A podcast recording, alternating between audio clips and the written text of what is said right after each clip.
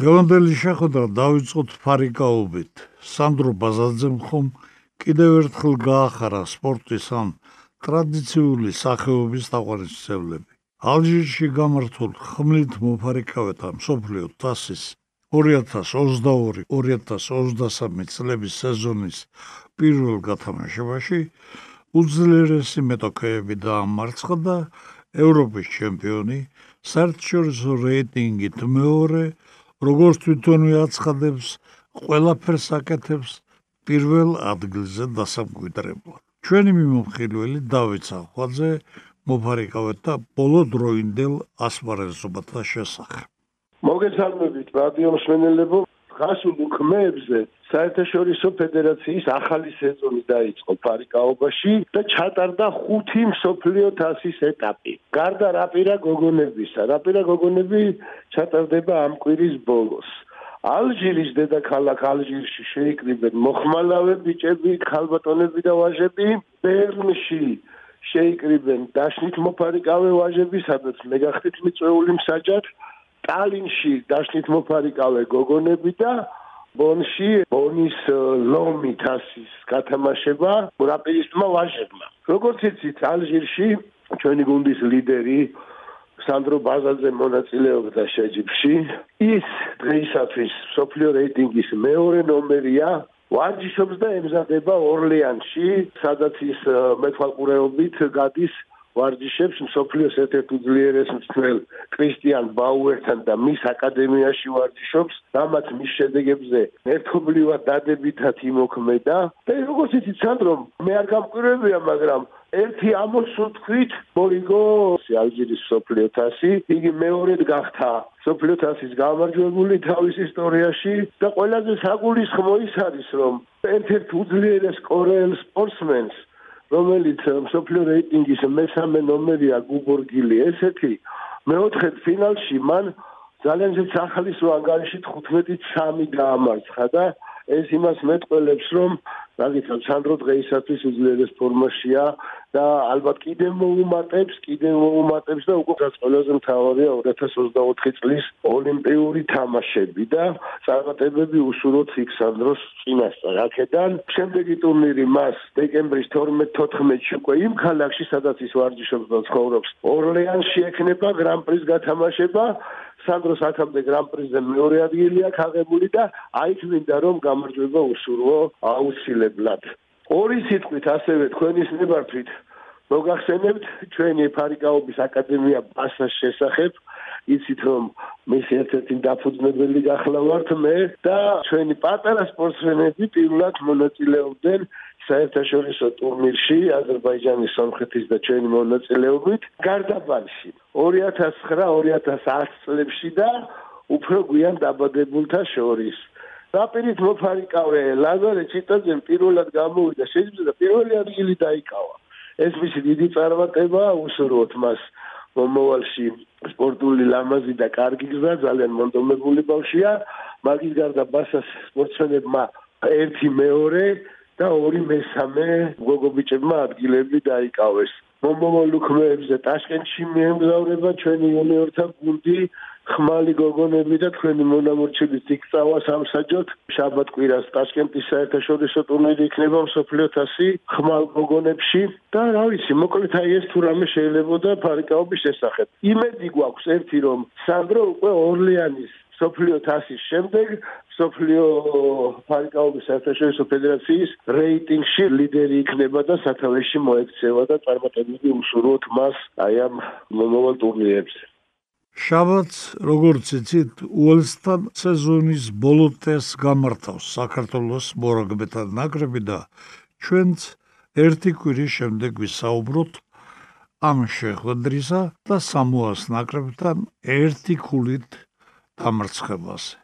სამწუხაროდ ჩვენმა კალათბურთელებმაც ერთი ქულით დათვეს საშინაო მატჩი იტალიის ნაკრებთან. თუმცა სოფლიოს ჩემპიონატზე გასვლის შანსი ინარჩუნებენ.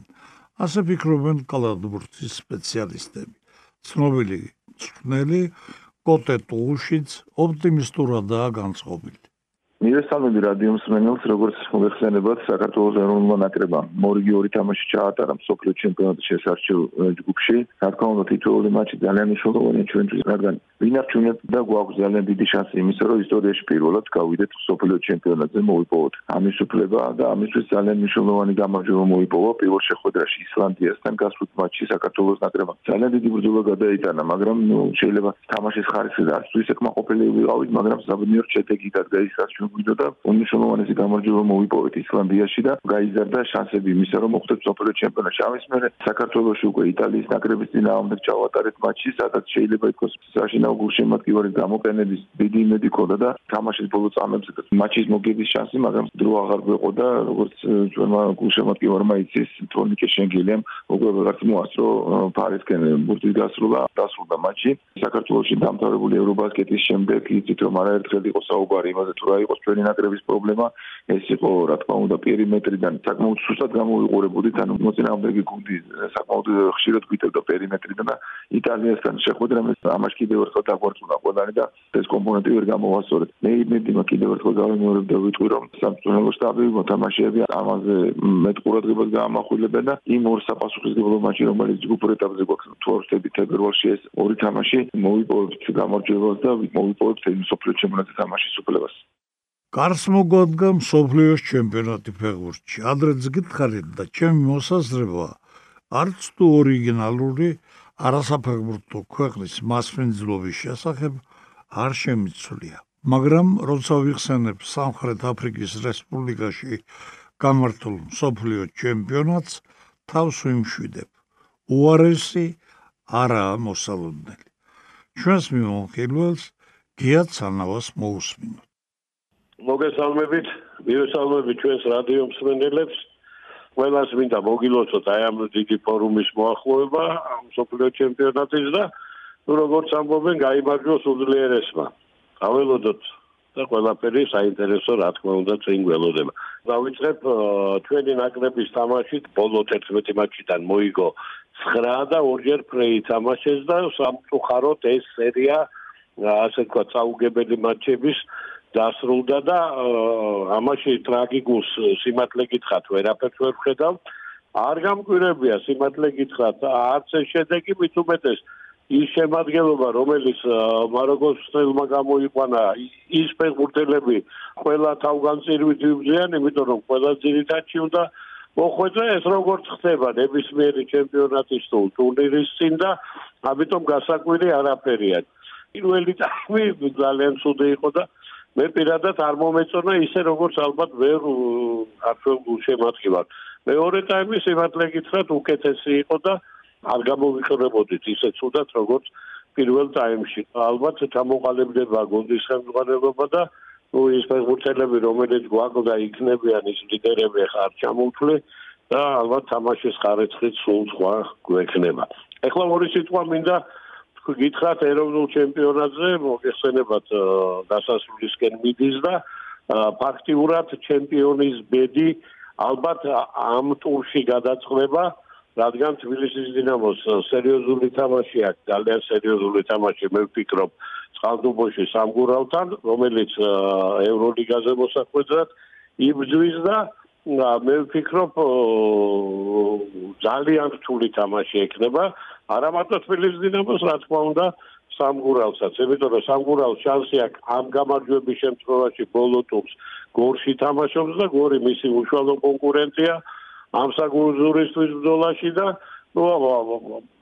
მართლაც 50-50-ზე ალბათ არავინ იცის რა მოხდება. ნუ ბათუმ შეიძლება ითქვას შედარებით იოლი თამაში აქვს მაგრამ არც ისე სასეირნო თამაში გაგრას წინააღმდეგ რომელიც ასევე ცდილობს რომ თავი დააღწიოს აი პლეიოფს და იქაც თული თამაშია. მაგრამ არა ისეთი დაძაბული და აა ძიმე მე ვფიქრობ როგორიც წყალდუბოში თბილისის დინამოს. ამიტომ საინტერესო თამაშები გველის ძალიან საინტერესო და მე ვფიქრობ ამ ტურში ჩემპიონის ბედი გარკვეულწილად კი არა მეცილად გადაწყდება და ჩვენ გვეცოდინება დიდი მადლობა კარგაბრძანდებოდეთ და წარმატება და გამარჯვება ყველას. დღევანდელი შეხვედრა ძიუდოთი დაამთავროთ. სპორტული ჟურნალისტი ძიუდო საერთაშორისო ფედერაციის კომენტატორი გიორგი ჭანიშვილი მივესალმები ჩვენს რადიო მოსმენელს და ბუდოს გულშემატკივარს. რაც შეეხება ბაქოში გამართულ დიდ სლემს და ასევე ძალიან საინტერესო ტურნირი ჩატარდა დიდი სლემის შემდეგ მსოფლიო ჩემპიონატი უფრო პარაძიუდოც ასახელებენ ხოლმე. თუმცა სწორედ ასახელება არის ალბათ უფრო მსოფლიო ჩემპიონატი უსინათლო და შეიძლება ვთქვათ სუსტ მხედველთა შორის. თუმცა უფრო ესეთი მოქნილი ტერმინია პარაძიუდო რაც შეეხება ბაქოში გამართულ აი ამ ორ ტურნირს ეს დიდი სლემი რომელიც ჩატარდა და შემდეგ პარაძიუდო სოფლიო ჩემპიონატი ჩვენი ქართველი ძიუდოისტების გამოსვლა. შეიძლება მაინც ითქვას რომ მოლოდინი უფრო მეტი იყო მედლების რაოდენობით ვიდრე იქ აიღეს ჩვენმა სპორტსმენებმა თუმცა მაინც კარგია ის რომ მედლები არის ჩვენს აქტივში. რაც შეეხება ბაქოს დიცლემს იქ ლაშა შავდათუაშვილი და ლუკა მაისურაძე გახდნენ ბრინჯაოს პრიზიორები. ორი ბრინჯაო მეტის მოლოდინი იყო. ვითომეტეს რომ ეს ტურნირი მსოფლიო ჩემპიონატის შემდეგ ნაკრებში შემადგენლობის სვლა მიმდინარეობს ახალგაზრდა სპორტსმენების გამოცდას ასევე თუმცა იქ იყვნენ ასევე ისეთი გამოცდილი სპორტსმენები როგორებიც არიან თუნდაც იგივე ვაჟა მარგველაშვილი ილიას ყუამანიძე თუნდაც გურამ თუშიშვილი მაგრამ აქ კიდე ერთი რამ უნდა აღინიშნოს განსაკუთრებით აი ბაქოს დიდი სლემის შემდეგ იყო ძალიან დიდი უკმაყოფილება გარკვეულწილად საჯების მიმართ რადგან აი იგივე გურამ თუშიშვილის შემთხვევა ალბათ ახსოვს გულშემატკივარს. ახლა ძალიან კაცრად სჯიან ნებისმიერ შემთხვევაში, როდესაც სპორტსმენი კდების ილეთის შესრულების დროს საკუთარ თავს იყენებს, ანუ ტატამის ეხება თავით და შემდეგ კეთდება ხოლმე კდებები და ამ შემთხვევაში კაცრად სჯიან საჯები, აი ასეთ კდებას და პირდაპირ ჰამსოკუმაკეთი ისჩება სპორტსმენი, ანუ ხსნიან მას შეჯიბრიდან, ადრევე დისკვალიფიკაციას. მსგავსი რამ დაემართა გურამ ბუშიშვილს, გურამი ძალიან დიდ არსენალს ფლობს სხვადასხვა ილეთების და სწორედ ამიტომ მოხსნეს გურამი აი ეფექტური კდების შესრულების გამო და სწორედ ამიტომ დარჩა ის მედლის გარეშე რაც შეეხება იფსას, ანუ სოფლიო ჩემპიონატს უცნაძლო ძიუდოისტა და შეერწყეს თუმცა ძილდოსთა შორის, ასევე ბაქოში გაიმართა იგივე დარბაზში, სადაც დიდი სლემი ჩატარდა, საკმაოდ კარგად ორგანიზებული მსოფლიო ჩემპიონატი გამოდგა. აქ სამი მედალი აიღეს ჩვენმა სპორტსმენებმა. ორი ბრინჯაო და ერთი ვერცხლი. ინა ხალდანი ეს სპორტსმენი იცის ძილდოს შემოწმებმა ტოკიოს პარალიმპიურ თამაშებზე მან ვერცხლის მედალია იყო, ორი ბრინჯაო ინა ქალდანი და ზურაბ ზურაბიანი და ერცხლის მედალი აიღო ზვიად გოგოჭურმა, ეს რომ სამი მედალი იფსა სოფლიო ჩემპიონატზე პარა ძიუდოში, ესეც ჩვენი ძიუდოისტების პარა სპორტსმენების მონაგარი სოფლიო ჩემპიონატზე. რაც შეეხება შემდეგ ტურნირებს, ნოემბრის ბოლო და დეკემბერი მთლიანად ძალიან დატვირთული არის ჯუდოში. მოკლედ რომ თქვა, მთელი კასკადი არის ტურნირების, ძალიან საინტერესო ტურნირი იქნება ნოემბერში ნოემბრის ბოლოს გორში 26 ნოემბერს გამართება გორში ევროპის ეს გახლავთ საკლუბო ჩემპიონთა ლიგა. და შეიძლება ითქვას რომ სოფლიოს ვარსკვლავს ჩვენა იქნება აქ ძიუდოისტების დაახლოებით 200-მდე სპორტსმენი მიიღოს მონაწილეობას. ეს საუბარია კლუბებზე, ოღონდ საკლუბო ჩემპიონთა ლიგა არის. და ისეთი სპორტსმენები ჩამოდიან აქ საასპარეზოდ საქართველოსში და გორში, როგორიც არიან თუნდაც ნუ ოლიმპიური მსოფლიო და ევროპის ჩემპიონები მათ შორის ფრანგები ტედი რინერი გარეგისტრირებულია და იმედია არ გააუქმებს ავის რეგისტრაცია და ჩამოვა.